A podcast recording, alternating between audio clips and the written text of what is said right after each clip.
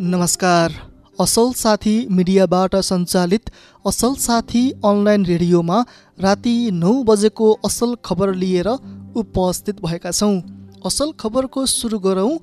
एमालेको दसौँ महाधिवेशन आउँदो मङ्सिर दुईदेखि छ गतेसम्म हुने आज बसेको ओली पक्षीय केन्द्रीय कमिटीको निर्णय भन्ने प्रसङ्गबाट सत्तारूढ नेकपा एमालेको माधव कुमार नेपाल पक्ष सहभागी नभएको केन्द्रीय कमिटी बैठकले दसौँ महाधिवेशनको मिति तोकेको छ। प्रधानमन्त्री तथा एमाले अध्यक्ष केपी शर्मा ओली पक्षीय केन्द्रीय कमिटी बैठकले दसौँ अधिवेशन आउँदो मङ्सिर दुईदेखि छ गतेसम्म हुने भएको छ। प्रधानमन्त्री निवास बालुवाटारमा बसेको बैठकले आउने महाधिवेशन मङ्सिर दुईदेखि छ गतेसम्म गर्ने निर्णय गरेको नेता टोप बहादुर रायमाझीले जानकारी दिनुभयो। उहाँले भन्नुभयो आज बसेको बैठकले आउँदो मङ्सिर दुईदेखि छ गतेसम्म महाधिवेशन गर्ने निर्णय गरेको छ। यसैबीच बैठकले सत्तारूढ नेकपा एमालेको अध्यक्ष र महासचिव बाहेकको पदाधिकारी खारेज गरेको छ।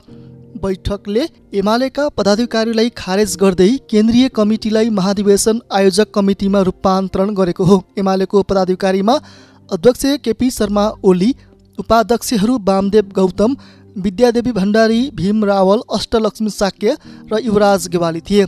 भण्डारी राष्ट्रपति हुनुहुन्छ भने अन्य उपाध्यक्षहरू माधव कुमार नेपाल निकटका रहेका छन्। महासचिवमा ईश्वर पोखरेल निर्वाचित हुनुभएको थियो भने उपमहासचिवमा घनश्याम भूषाल र विष्णुप्रसाद पौडेल रहनुभएको थियो। भूषाल नेपाल पक्षमा हुनुहुन्छ भने पौडेल ओलीको पक्षमा हुनुहुन्छ। सचिवमा प्रदीप गेवाली भीम आचार्य योगेश भट्टराई गोकर्ण विष्ट र पृथ्वी सुब्बा गुरुङ रहनुभएको थियो। एमालेको पदाधिकारीमा माधव कुमार नेपाल पक्षको बहुमत रहेको थियो जसलाई ओली पक्षले खारेज गरेर अगाडि बढेको हो। जनता समाजवादी पार्टी जसपाका नेताहरूले नेपाली काङ्ग्रेसलाई वर्तमान सरकारको विकल्प खोज्न अग्रसरता देखाउन आग्रह गरेका छन्। शुक्रबार बेलुकी काङ्ग्रेस पार्टी सभापति शेरबहादुर देउवा निवासमा भएको छलफलमा जसपाका नेताहरूले नेपाली काङ्ग्रेसको अग्रसरतामा प्रधानमन्त्री केपी शर्मा ओलीको विकल्प खोज्नु पर्ने धारणा राखेको पार्टी प्रवक्ता विश्वप्रकाश शर्माले बताउनुभयो।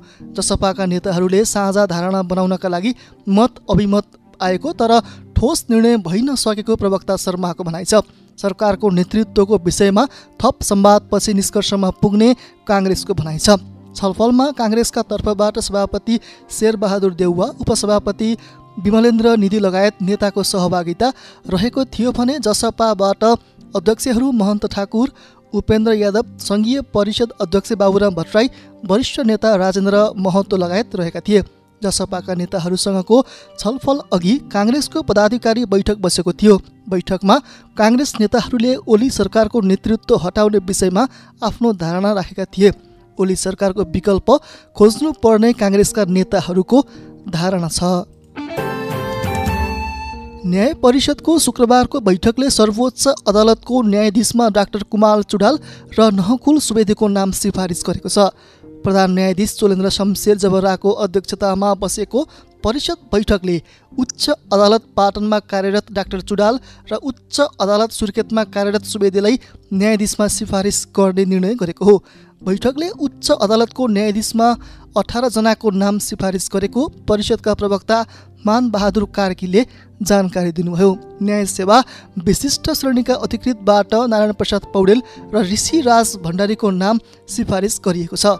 नायब महान्यायाधिवक्ता पौडेललाई उच्च अदालत पाटन र कानुन न्याय तथा संसदीय मामिला मन्त्रालयका सचिव राज भण्डारीलाई उच्च अदालत पाटनबाट उच्च अदालत पोखराको न्यायाधीशमा सिफारिस गरिएको हो।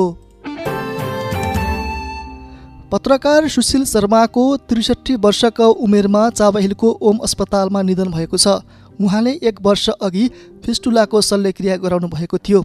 रोग पूर्ण रूपमा निको नभई समस्या भोगिरहनु भएको उहाँको शुक्रबार निधन भएको पारिवारिक स्रोतले जनाएको छ। तिन दिनदेखि यही अस्पतालमा उपचाररत हुनुहुन्थ्यो। Rising Nepal Kathmandu Post Sports Light र बिबिसी नेपाली सेवामा लामो समयसम्म पत्रकारिता गर्नुभएका पत्रकार शर्मा नेपाल वातावरण पत्रकार समूहका कार्य समितिमा रही केही समय योगदान पुर्याउनु भएको थियो। आफू मात्र होइन पत्रकारिता क्षेत्रमा लाग्ने सबै व्यक्ति मेहनत र इमान्दार हुनुपर्छ भन्ने मान्यतामा प्रतिबद्ध रहनुभएका उहाँ मिलनसार देखेको कुरा भन्ने र लेखेको कुरामा अडिक स्वभाव रहेको उहाँका समकक्षी पत्रकार तीर्थ कोइरालाको स्मरण गर्नुहुन्छ। शर्माको शुक्रबार नै पशुपति आर्यघाटमा दाह संस्कार गरियो उहाँकी श्रीमती र एक छोरा हुनुहुन्छ। पछिल्लो चौबिस घन्टामा देशभर अडचालिसजनामा कोरोना भाइरसको सङ्क्रमण पुष्टि भएको छ। दुई हजार पाँच सय बाह्रजनाको पिसिआर परीक्षण गर्दा अडचालिसजनामा सङ्क्रमण पुष्टि भएको स्वास्थ्य तथा जनसङ्ख्या मन्त्रालयले जनाएको छ। यो सँगै नेपालमा कोरोना सङ्क्रमण पुष्टि हुनेको सङ्ख्या दुई लाख पचहत्तर हजार एक सय अठार पुगेको छ। यस्तै पछिल्लो चौबिस घन्टामा एकसट्ठीजना कोरोना मुक्त भएसँगै नेपालमा कोरोना सङ्क्रमण भएर निको हुनेको सङ्ख्या दुई लाख एकहत्तर हजार एक सय सतहत्तरजना पुगेको छ। नेपालमा अहिले नौ सय उन्तिसजना सक्रिय सङ्क्रमित रहेका छन्।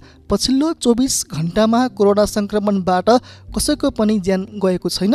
नेपालमा अहिलेसम्म तिन हजार बाह्रजनाले कोरोना सङ्क्रमणबाट ज्यान गुमाएका छन्। बाराको जितपुर सिमारा उपमहानगरपालिका दसका चौध वर्षीय बालक साहिद हुसेन अन्सारी फागुन एघार गते हराए। गाउँमा विवाह भोज खान गएका छोरा नफर्किएपछि परिवार चिन्तित थिए। उनी परवानीपुर स्थित ज्ञानसागर एकाडेमी स्कुलमा कक्षा सातमा पढ्थे। साथीभाइ आफन्त र सम्भावित क्षेत्रमा उनको खोजी गरियो। तर कतै पनि फेला परेनन्। अभिभावकले छोराको खोजीका लागि प्रहरी पनि गुहारे। प्रहरीले खोजी गर्यो तर फेला पार्न सकेन। अचानक शुक्रबार बिहान गाउँको एउटा उद्योग नजिक कालो थुप्रोमा सप फेला परेको खबर फैलियो। स्थानीय महिलाले सप देखेपछि हो हल्ला गरेकी थिइन्। गाउँले सप भेटिएको बारे प्रहरीलाई खबर गरे। माताहतका एकाइबाट मात्रै नभएर जिल्ला प्रहरी कार्यालय बाह्रबाट डिएसपी गौतम मिश्र सहितको अनुसन्धान टोली घटनास्थलमा पुग्यो। सब एकदमै सडे गलेको अवस्थामा थियो।